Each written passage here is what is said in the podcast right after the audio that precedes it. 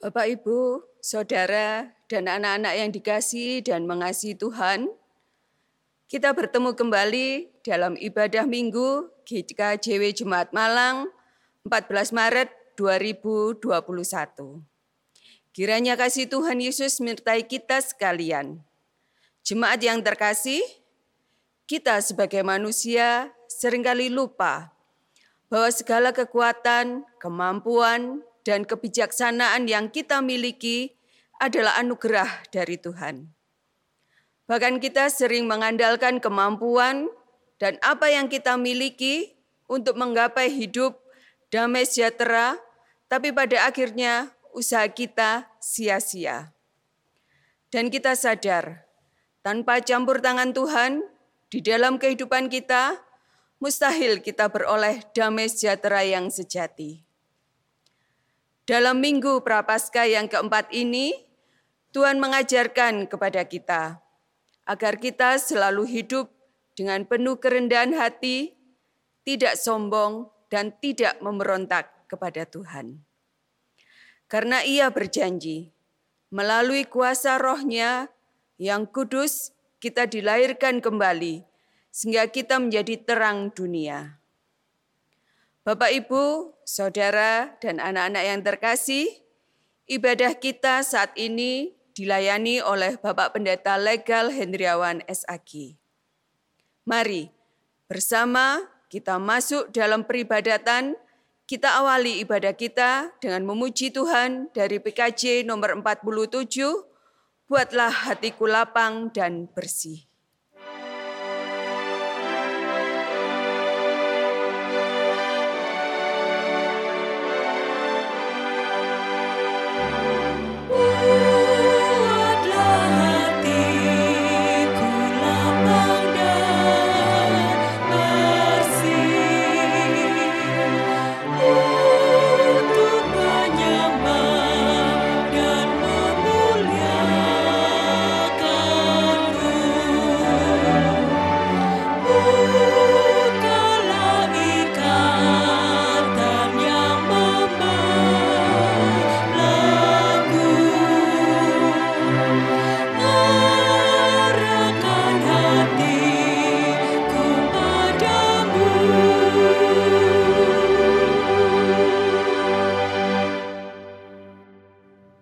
Jemaat yang dikasihi dan yang mengasihi Tuhan.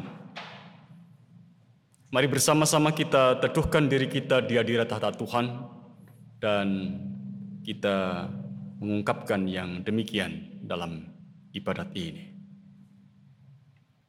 Allah kita adalah Tuhan yang hidup. Ia adalah Allah yang berkarya di atas dunia yang sudah diciptakannya. Dan dalam kasihnya yang kekal ia berkenan mendamaikan dirinya dengan dunia di dalam kematian dan kebangkitan Yesus Kristus anaknya. Anugerah dan damai sejahtera yang berasal dari Allah Bapa di dalam pengasihan Tuhan Yesus Kristus tercurah atas saudara-saudara semuanya. Amin. Bapak, Ibu, dan saudara-saudara yang dikasihi dan yang mengasihi Tuhan, Firman Tuhan yang menjadi dasar atas perjumpaan ibadah kita pada saat ini, kita terima dari surat Rasul Paulus kepada jemaat di Filipi, pasal yang pertama ayat yang ke-21. Yang dituliskan untuk kita semua, karena bagiku hidup adalah Kristus, dan mati adalah keuntungan. Amin. Mari kita sambut dasar firman Tuhan ini dengan kita kembali angka satu pujian dari Gitung Jemaat nomor 13 bait 1 dan bait yang kedua. Langit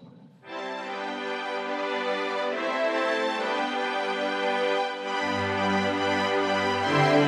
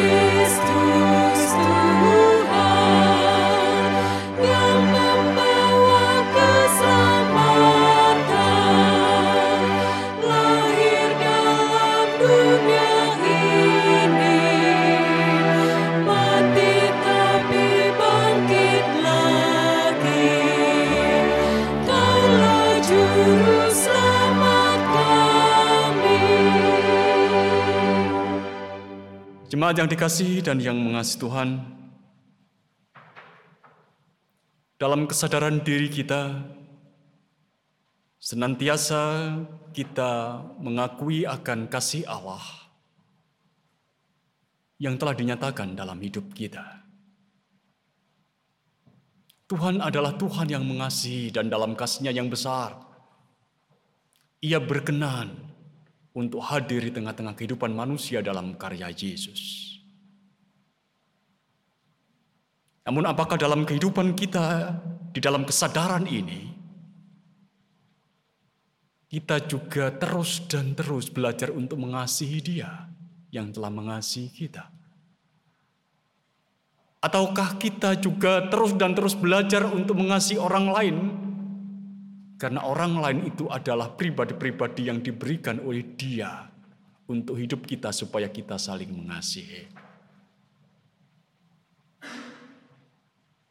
Jujur, saudara-saudara, sering kita tidak melakukannya, karena kita juga mengakui betapa dalam hidup ini belenggu keakuan kita belenggu kuasa-kuasa kegelapan, belenggu kemanusiaan kita yang cenderung untuk mentingkan diri sendiri itu hidup di dalam diri kita. Oleh karena itu, mari pada saat ini di tengah peribadatan, di mana kita boleh ada dalam satu persekutuan dengan Tuhan dan dengan orang lain, kita mengakui akan keterbatasan kita. Kita mengakui dosa kita di hadapan Tuhan di dalam doa. Mari berdoa. Bapa yang di sorga, kami senantiasa percaya bahwa Engkau adalah Allah yang mengasihi kami. Kasihmu adalah kasih yang kekal, yang Engkau berikan sejak penciptaan sampai pada kekekalan nanti. Oleh karena itu, biarkanlah kami juga mengakui ya Allah, Kasihmu itu telah nyata dalam hidup kami. Kasihmu telah merawat kami. Kasihmu telah memberikan kesukacitaan, gembiraan dalam hidup ini. Dan kami, anak-anakmu ini, boleh menghayati ada kasihmu yang begitu besar dalam setiap langkah kami. Engkau telah menolong kami dalam kasihmu itu sehingga pada saat ini, ketika kami ada dalam perjumpaan ini, sesungguhnya ada perwujudan kasihmu yang nyata. Dan dalam perjumpaan ini juga Tuhan pada kesempatan yang baik ini, kami juga mengakui akan keterbatasan diri kami.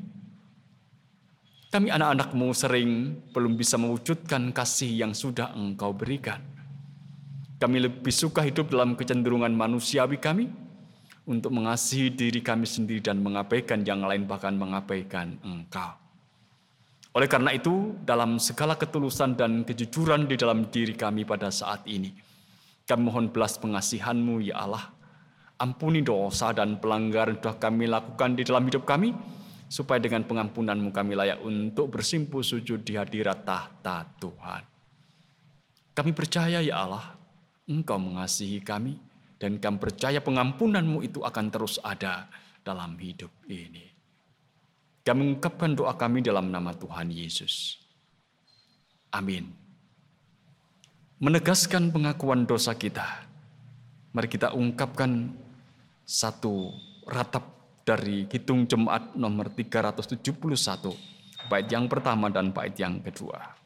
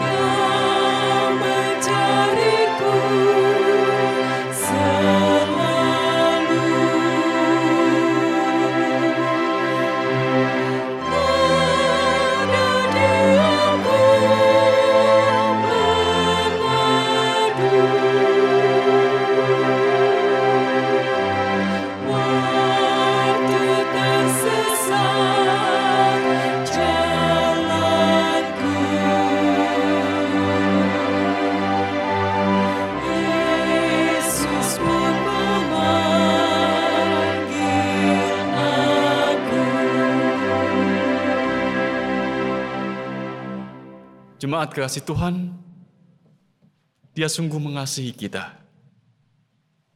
Ia mendengar apa yang menjadi ungkapan pengakuan dosa kita dan memberitakan kepada kita berita pengampunannya. Menurut Injil Matius pasal 26 ayat yang ke-28.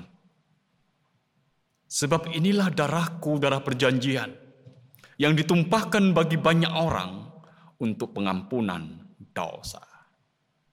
Dan seiring dengan berita pengampunan ini, saudara-saudara, mari kita kembali agungkan Tuhan PKC nomor 214 bait yang pertama dan bait yang kedua.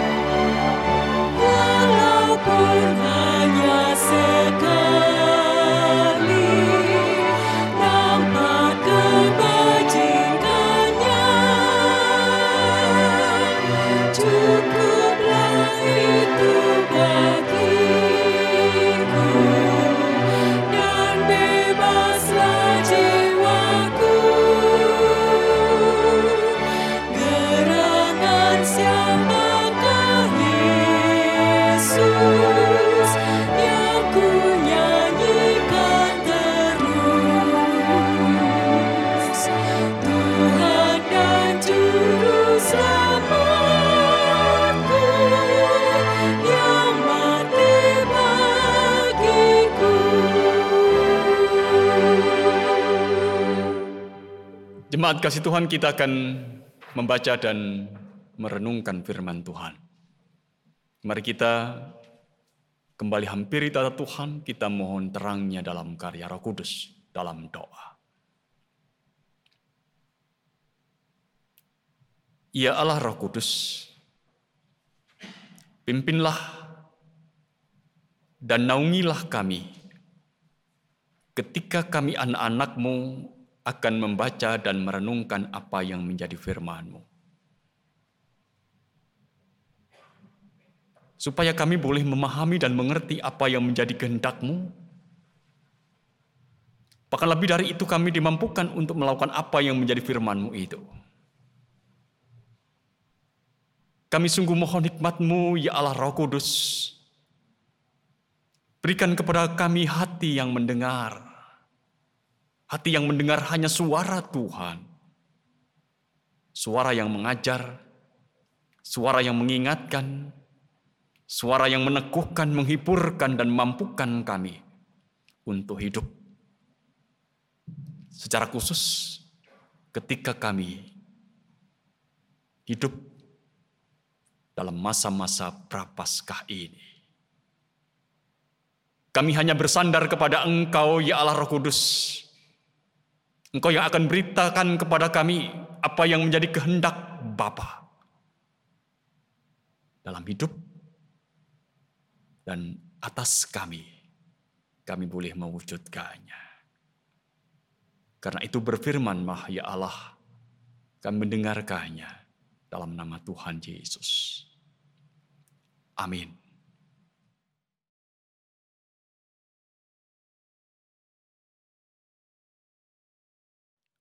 Ibu, Bapak, Saudara, jemaat yang dikasih dan mengasihi Tuhan. Firman Tuhan yang akan kita baca dan kita renungkan bersama diambil dari Yohanes 3 ayat 14 sampai 21. Yang tertulis demikian.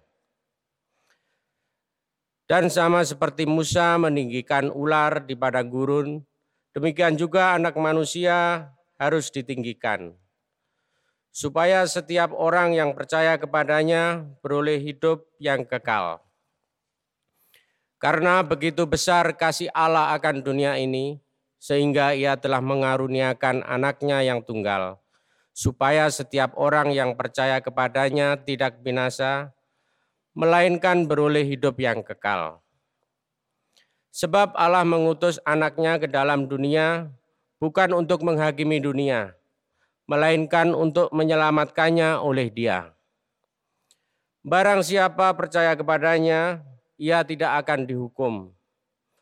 Barang siapa tidak percaya, ia telah berada di bawah hukuman, sebab ia tidak percaya dalam nama anak tunggal Allah. Dan inilah hukuman itu. Terang telah datang ke dalam dunia, tetapi manusia lebih menyukai kegelapan daripada terang, sebab perbuatan-perbuatan mereka jahat.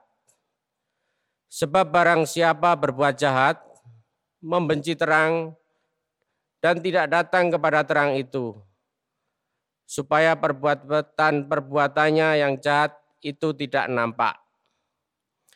Tetapi barang siapa melakukan yang benar, ia datang kepada terang, supaya menjadi nyata bahwa perbuatan-perbuatannya dilakukan dalam Allah. Demikian bunyi kesaksian firman Tuhan. Yang berbahagia adalah setiap orang yang mendengar dan melihara firman Tuhan ini dalam hati dan hidupnya. Amin.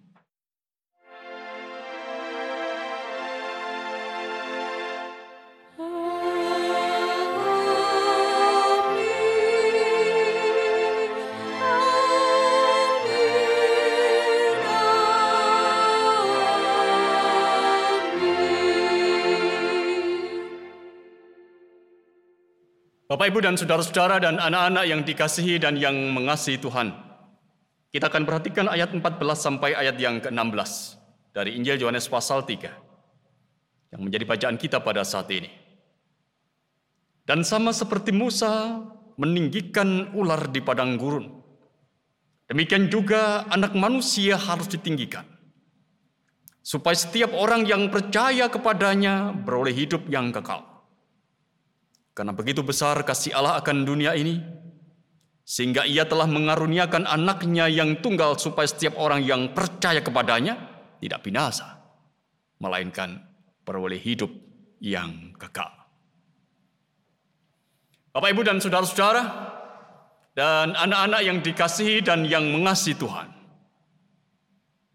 Bacaan kita saat ini adalah bagian dari dialog yang panjang antara Tuhan Yesus di satu pihak dan Nikodemus di pihak yang lain. Dialog ini terjadi saudara-saudara setelah Nikodemus dalam kesadarannya menjumpai Tuhan Yesus pada waktu malam. Injil Yohanes tidak memberitahukan kepada kita secara gamblang motif kedatangan dari Nikodemus yang menjumpai Yesus pada saat itu. Memang saudara-saudara, hal ini sering menimbulkan spekulasi. Ada orang yang mengatakan atau ada orang yang berpendapat bahwa Nikodemus datang pada malam hari karena dia adalah pemimpin Yahudi. Dan biasanya pemimpin Yahudi itu selalu berseberangan dengan Tuhan Yesus.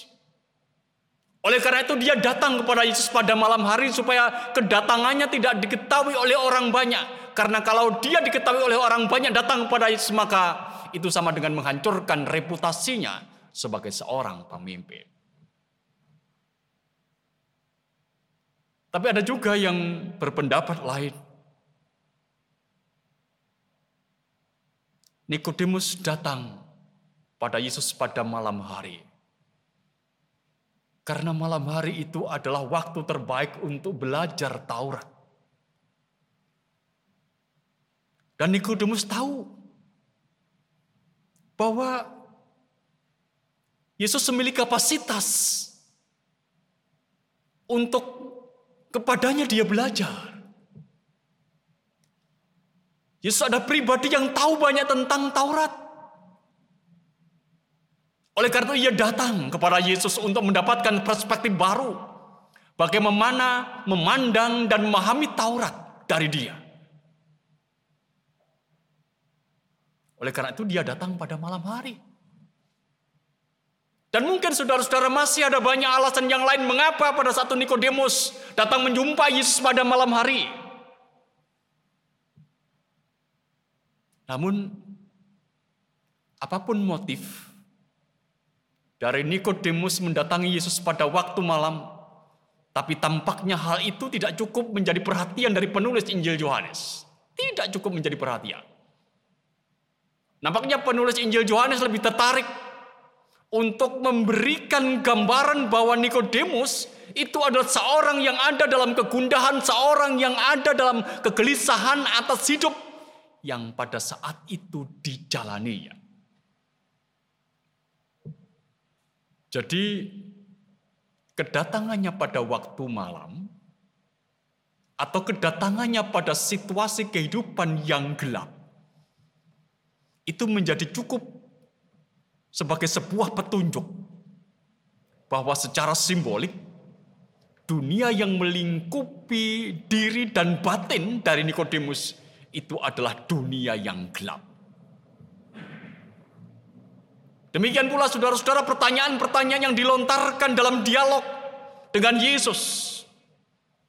Itu juga mau menegaskan dirinya sungguh-sungguh ingin tahu apa yang disampaikan oleh Tuhan Yesus pada saat itu sebagai sebuah pengajaran baru tentang kehidupan yang baru. Sekaligus juga menjadi bukti yang jelas bahwa ia merasa tidak nyaman dengan kehidupan lamanya oleh karena itu ia ingin sesuatu yang baru yang diajarkan oleh Yesus pada saat itu.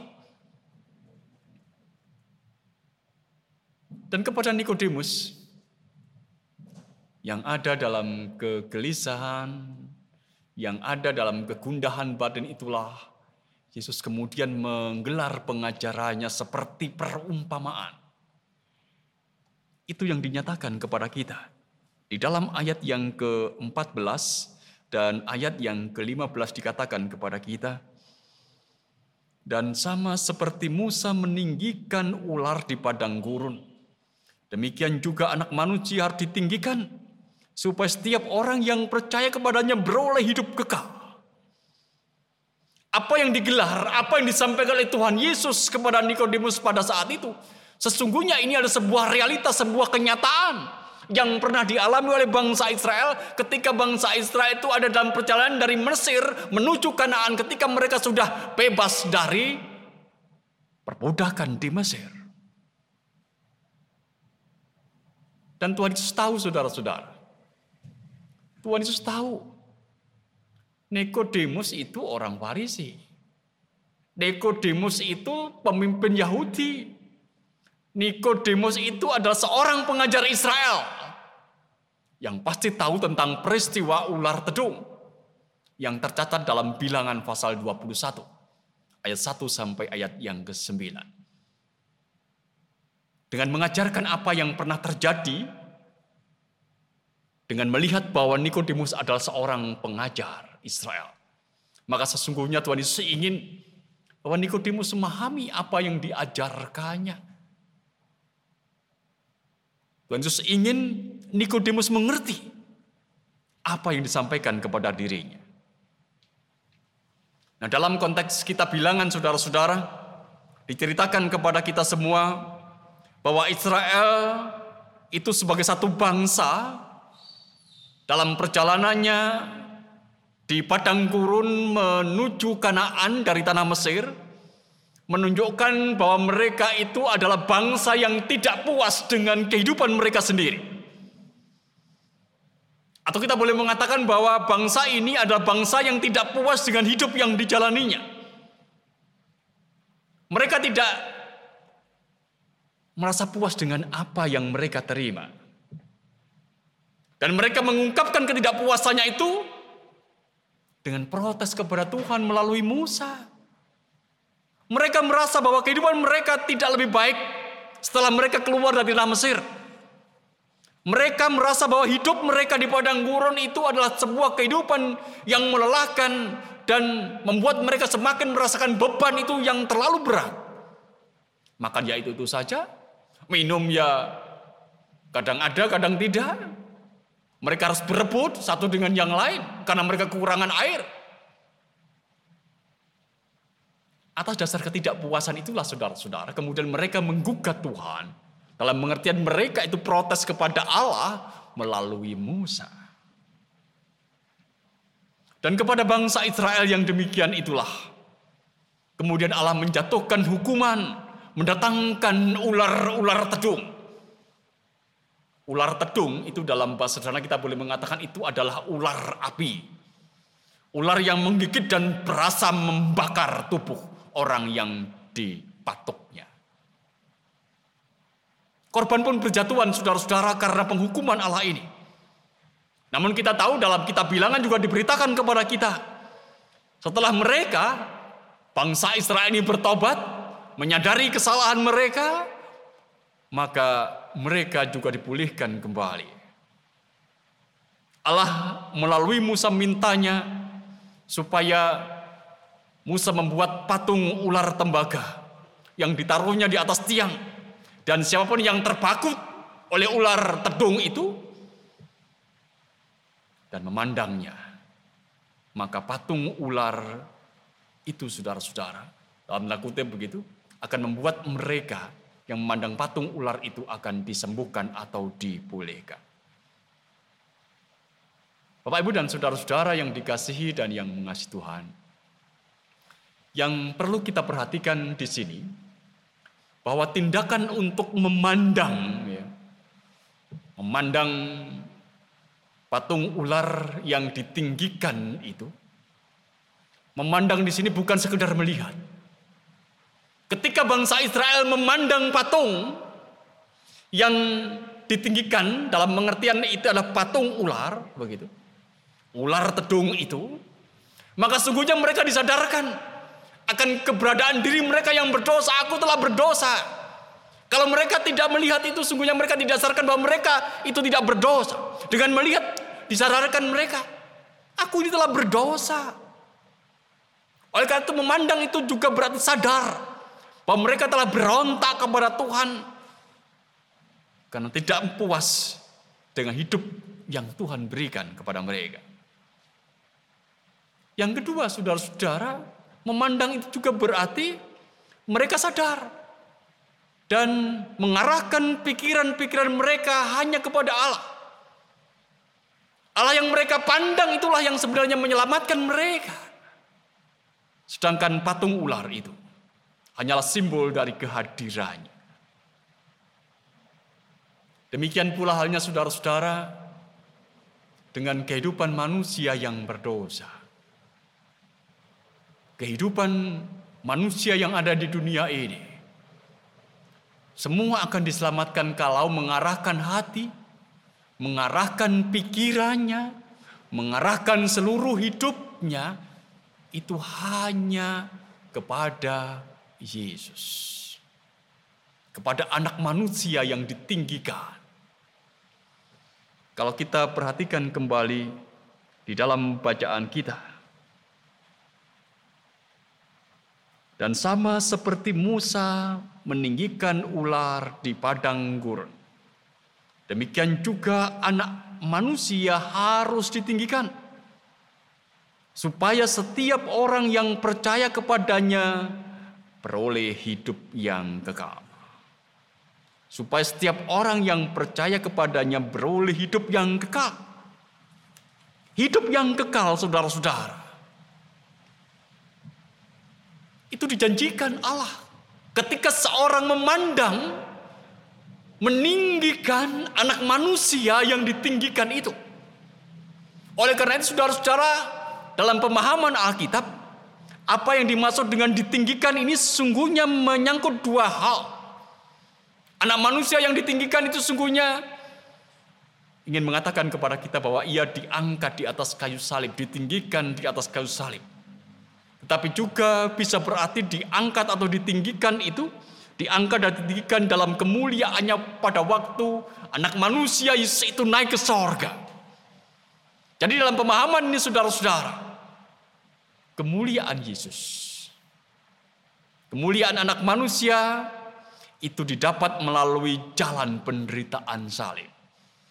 Kemuliaan sorga itu dilalui melalui penderitaan di Golgota. Tidak ada kemuliaan saudara-saudara tanpa salib. Oleh karena itu, kita masih mengingat bagaimana Petrus menghalangi Yesus ketika Yesus menyampaikan kepada Petrus kepada murid-muridnya tentang penderitaannya pada saat itu. Dan Petrus menghalang-halanginya, engkau tidak mungkin melakukan itu. Engkau tidak akan mengalami itu begitu.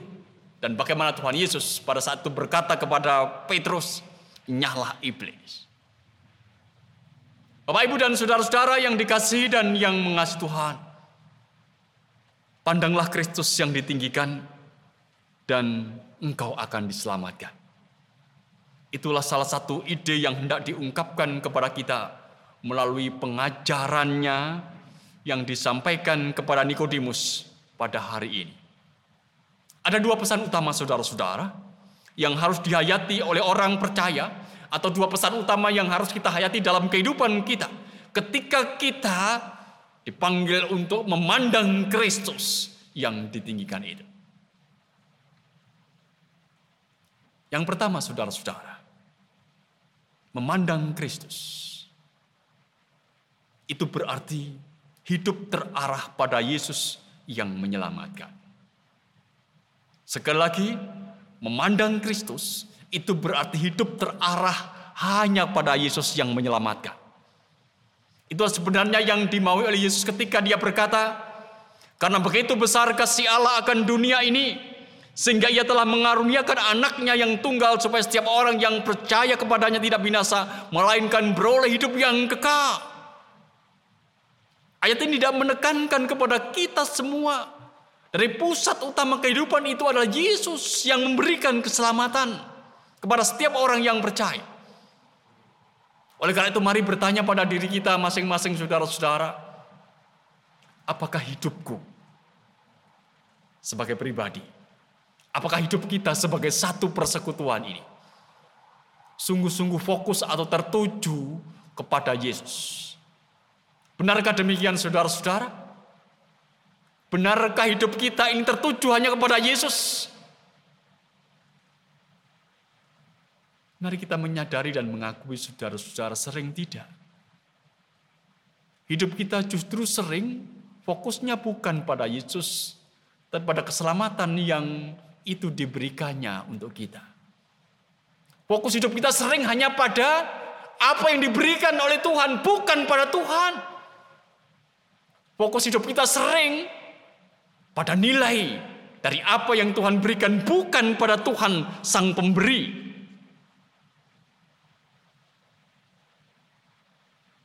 Tak jarang hidup kita seperti kehidupan orang-orang Israel di padang gurun, saudara-saudara. Hanya terarah pada apa? Hanya terarah pada apa yang diberikan oleh Allah untuk kita. Ketika yang diberikan itu saudara-saudara tak seperti apa yang kita harapkan, maka marahlah kita. Seperti orang-orang Israel yang ada di padang gurun itu. Ketika mereka melihat dan mengalami bahwa apa yang diberikan Allah itu tidak seperti apa yang mereka harapkan, mereka kemudian marah, mereka kemudian menggugat, mereka kemudian protes kepada Tuhan.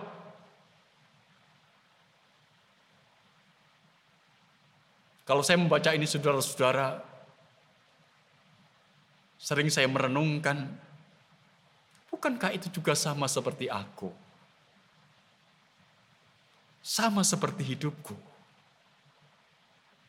Jika hidup yang kujalani ini tidak seperti apa yang kuharapkan. Kita hanya fokus pada apa yang diberikan oleh Allah dan melupakan siapa yang memberi. Ibarat kalau kita diberi kado itu saudara-saudara kita hanya melihat kadonya, nilai kadonya bukan melihat pada siapa yang memberi. Inilah saudara kesalahan terbesar yang sering kita lakukan di dalam kehidupan kita. Fokusnya pada pemberian Allah bukan pada Allah sendiri. Dan hari ini saat ini ia menegaskan kepada kita kembalilah pada fokus hidupmu yaitu kepada Allah yang menyelamatkanmu bukan pada keselamatan itu sendiri tapi pada Dia yang memberi keselamatan. Seperti kalau kita ingat tema ibadah kita tadi Bapak Ibu dan saudara-saudara, ungkapan Rasul Paulus dalam Filipi pasal 1 ayat yang ke-21 karena bagiku hidup adalah Kristus dan mati adalah keuntungan. Karena bagiku hidup adalah Kristus. Hidup Paulus itu fokusnya pada Kristus bukan pada apa yang diberikan. Sehingga apa? Ia kuat bertahan menjalani kehidupan ini. Yang kedua, saudara-saudara, memandang Kristus itu berarti mengakui hidup ini adalah anugerah yang diberikan. Sekali lagi, memandang Kristus itu berarti mengakui bahwa hidup ini adalah anugerah yang diberikan, diberikan oleh Allah. Kalau hidup ini adalah anugerah, ya, sekali lagi kalau hidup ini adalah anugerah, mestinya apa pun juga yang kita hadapi dan kita terima dalam hidup, membuat kita tidak kehilangan rasa syukur. Kenapa sekali lagi? Karena hidup ini adalah anugerah. Sekali lagi saudara seperti Rasul Paulus secara pribadi. Dia adalah pribadi yang tidak pernah kehilangan rasa syukur di dalam kehidupannya. Meski dia dalam kehidupan pelayanannya berhadapan dengan kesaraan penderitaan, mendapat aniaya karena Kristus yang diberitakan.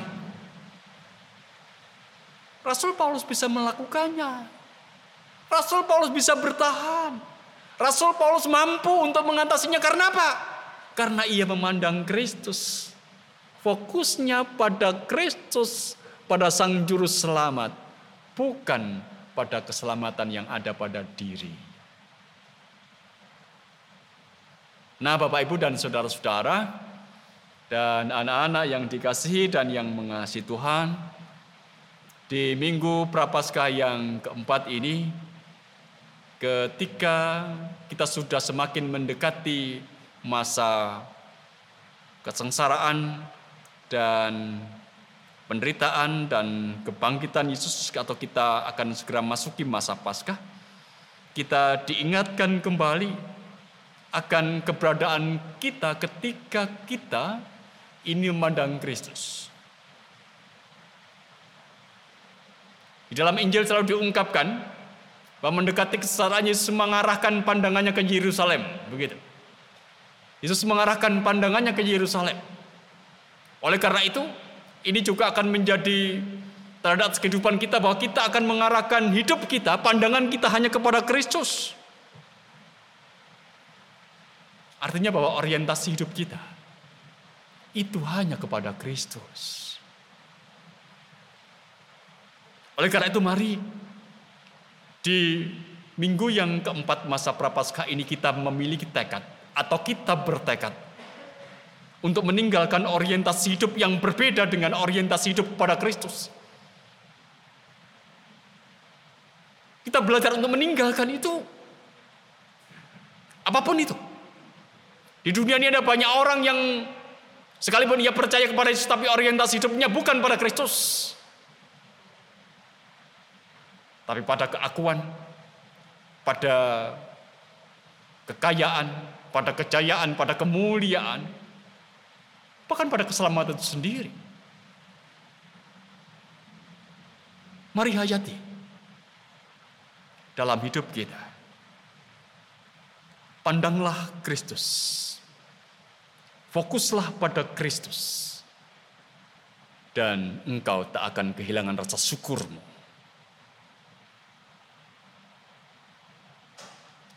Amin. Kita mengambil saat teduh.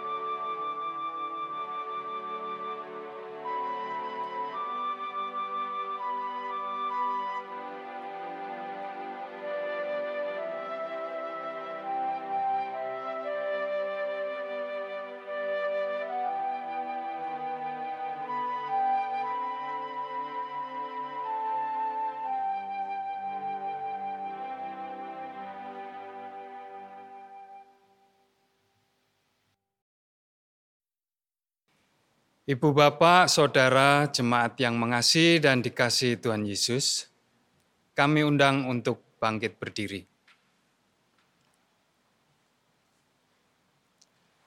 Bersama dengan orang percaya di seluruh muka bumi, mari kita perbarui iman percaya kita kepada Tuhan Allah. Dengan mengikrarkan pengakuan yang demikian. Pengakuan iman rasuli Aku percaya kepada Allah Bapa yang Maha Kuasa, Kalik langit dan bumi. Dan kepada Tuhan Yesus Kristus, anaknya yang tunggal Tuhan kita. Yang dikandung daripada roh kudus, lahir dari anak darah Maria. Yang menderita di bawah pemerintahan Pontius Pilatus, disalibkan, mati, dan dikuburkan, turun ke dalam kerajaan maut. Pada hari yang ketiga bangkit pula dari antara orang mati. Naik ke surga, duduk di sebelah kanan Allah, Bapa yang Maha Kuasa. Dan akan datang dari sana untuk menghakimi orang yang hidup dan yang mati. Aku percaya kepada Roh Kudus, gereja yang kudus dan am, persekutuan orang kudus, pengampunan dosa, kebangkitan daging, dan hidup yang kekal. Amin. Bapak Ibu dipersilakan duduk kembali. Bapak Ibu dan saudara-saudara dan anak-anak yang dikasihi dan yang mengasihi Tuhan, kita akan dengarkan satu persembahan pujian dari saudara kita Steady dan Kristi. Medley lagu-lagu pujian.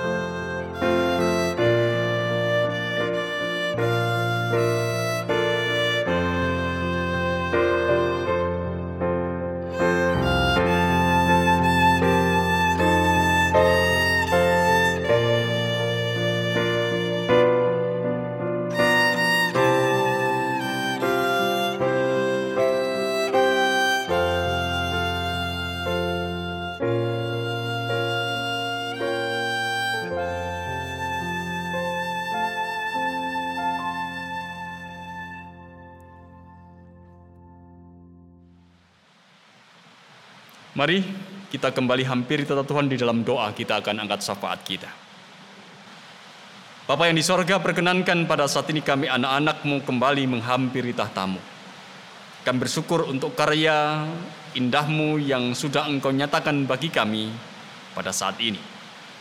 Engkau memberikan kesempatan bagi kami untuk menikmati perjumpaan kami dengan engkau dan dengan saudara-saudara kami yang lain dalam Kristus Yesus dan biarkanlah mulai perjumpaan ini kami semakin menghayati akan bagaimana panggilan Tuhan dalam kehidupan persekutuan kami dan kami tidak merasa hidup sendiri di dunia ini tapi kami hidup bersama sebagai satu persekutuan di dalam Tuhan.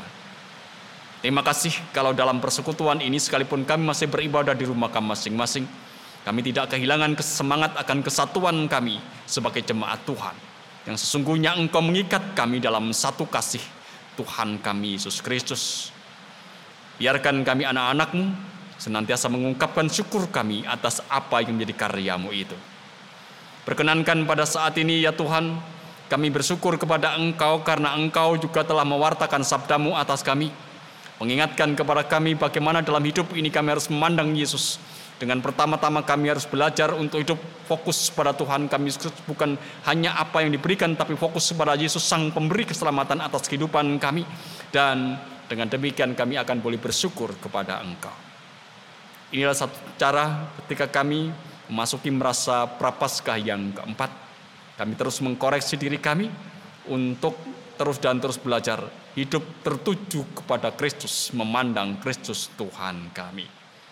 Berikan kepada kami kekuatan, berikan kepada kami kemampuan untuk terus melakukan hal itu di dalam hidup kami.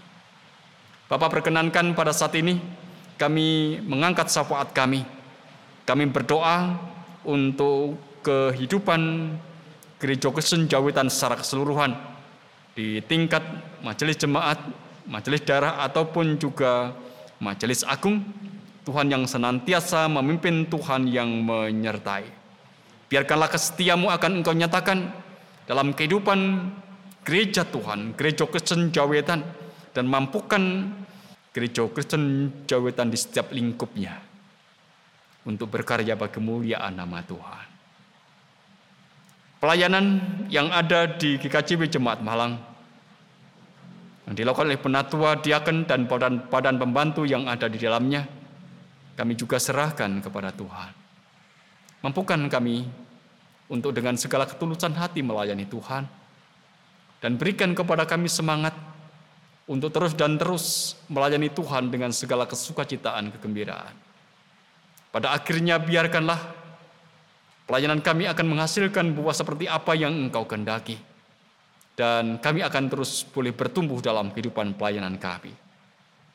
Berdoa untuk anak-anak Tuhan yang berada di bangku pendidikan.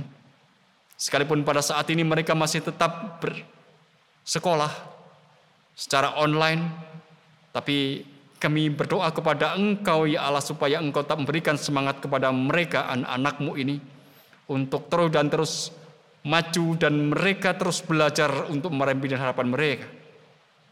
Demilah mereka. Berikan kepada mereka teguhan hati. Berikan kepada mereka kekuatan, tekad untuk meraih dan harapan mereka sekalipun pada saat ini mereka ada dalam pendidikan yang sangat terbatas. Berdoa untuk kehidupan pekerjaan yang dilakukan oleh umatmu. Seluruh warga jemaatmu ya Allah, berkatilah setiap pekerjaan yang dilakukan.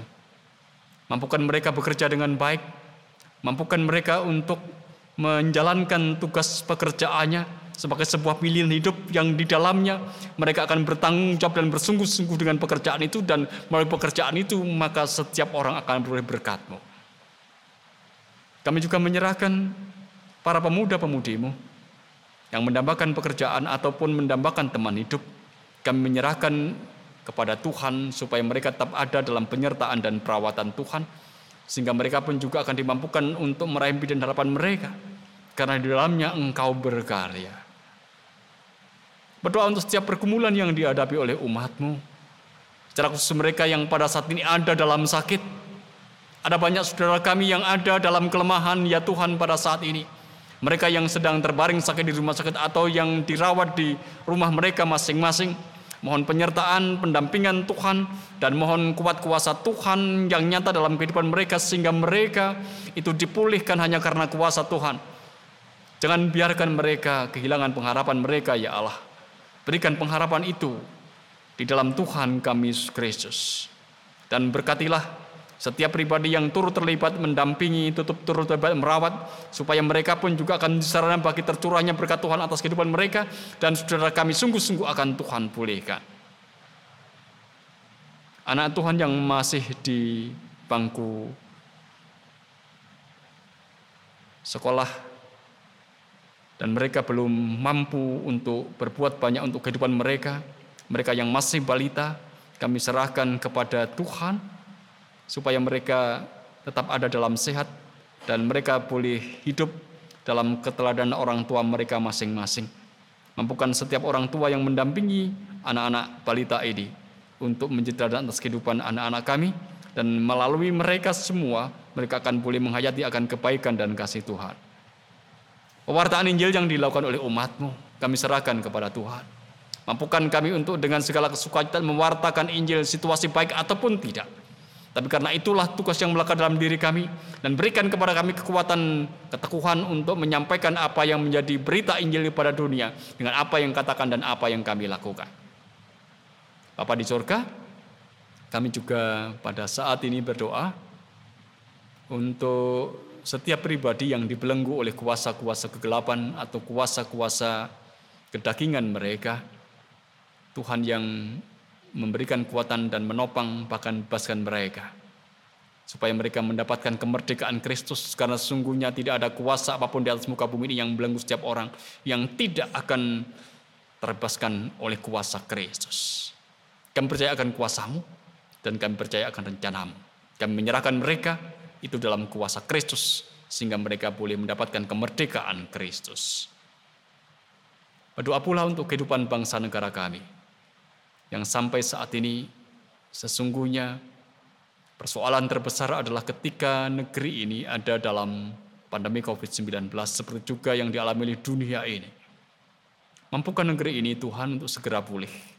Mampukan negeri ini untuk menangani berbagai macam persoalan yang lain yang di dalamnya sesungguhnya engkau menghendaki damai sejahtera atas bumi ini boleh terjadi bahkan di negeri ini. Mampukan para pemimpin negeri kami untuk memiliki roh takut akan Tuhan. Dan mereka dengan roh takut akan Tuhan boleh mengambil kebijakan yang sesuai dengan apa yang menjadi kehendak Tuhan. Yang pada akhirnya, ya Allah, negeri ini, negeri di mana kami hidup ini akan beroleh damai dan sejahtera. COVID-19 yang menjadi pandemi ini yang percaya juga akan berlalu hanya karena kuasa dan penyertaan Tuhan. Oleh karena itu ya Allah, Engkau juga akan melindungi kami umatmu dari pandemi ini. Supaya hanya kepelindungan Tuhan, kami boleh merasakan akan bagaimana kuat kuasa Tuhan yang nyata dalam hidup kami.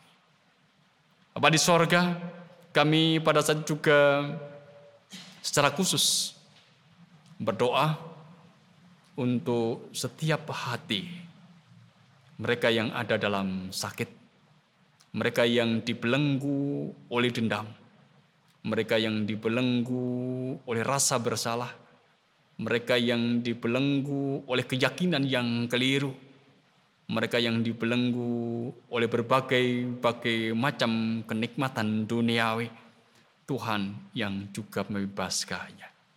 Kami mohon kepada Engkau ya Allah, karena Engkau adalah Allah yang mampu memberikan kemerdekaan atas hidup manusia dan dunia ini. Dan percaya engkau adalah Allah yang mendengar ungkapan pengakuan dan doa kami. Engkau yang akan menyempurnakannya, sebagaimana Tuhan Yesus yang telah mengajarkan kepada kami berdoa. Bapa kami yang di sorga, dikuduskanlah namamu, datanglah kerajaanmu, jadilah kehendakmu di bumi seperti di sorga. Berikanlah kami pada hari ini makanan kami yang secukupnya, dan ampunilah kami akan kesalahan kami. Seperti kami juga telah mengampuni orang yang bersalah kepada kami. Dan janganlah membawa kami dalam pencobaan, tapi lepaskanlah kami daripada yang jahat. Karena engkaulah yang punya kerajaan dan kuasa dan kemuliaan sampai selama-lamanya. Amin.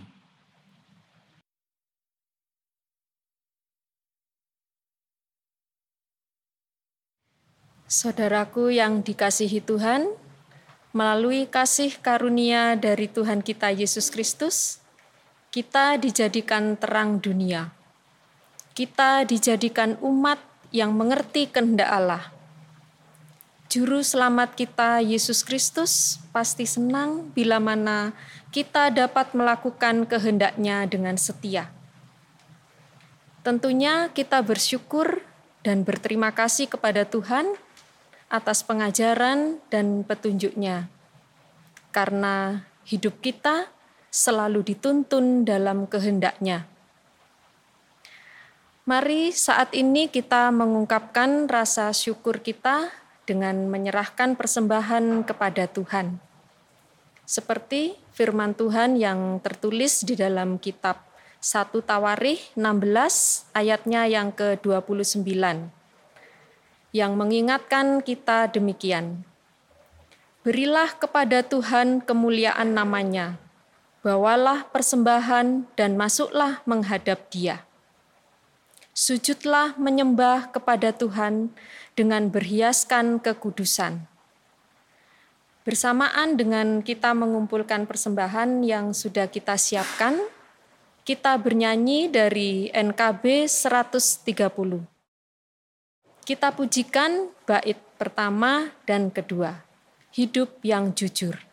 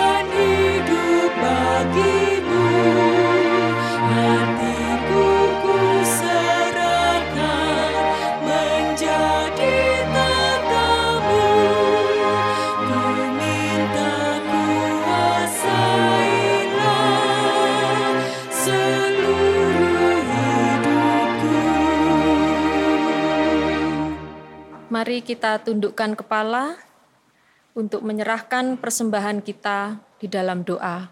Mari kita berdoa. Segala hormat, puji dan syukur hanya kepadamu ya Tuhan Allah Bapa yang kami di dalam surga.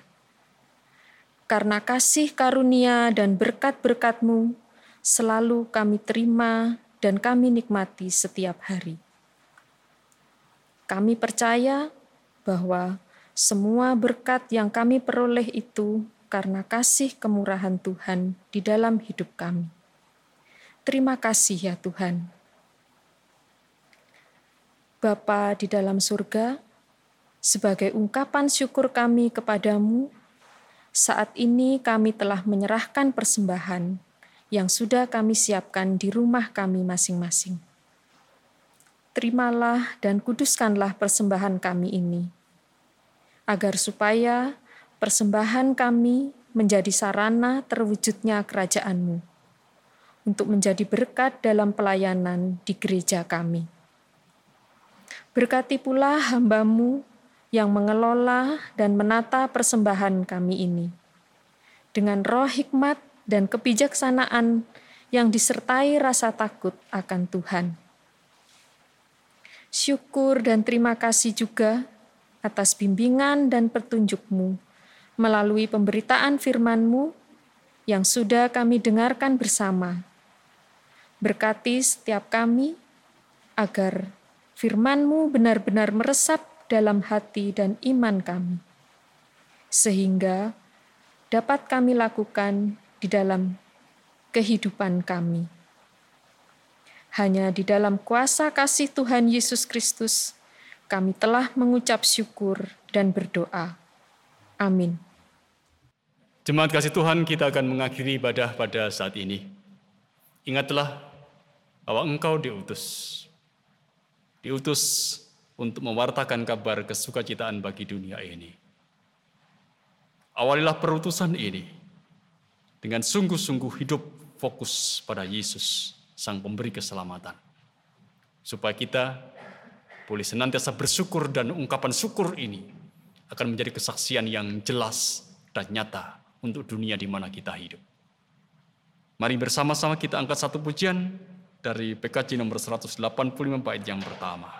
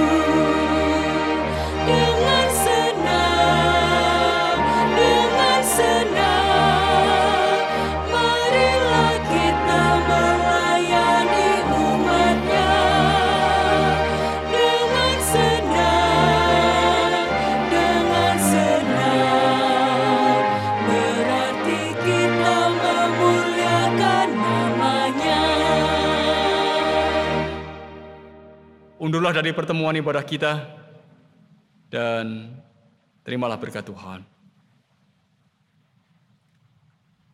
Allah di dalam nama Bapa, Putra dan Roh Kudus yang menjadi sumber dari segala berkat, sumber dari segala kekuatan, keselamatan, sentosaan dan damai sejahtera beserta dengan saudara saat ini dan selamanya. Amin.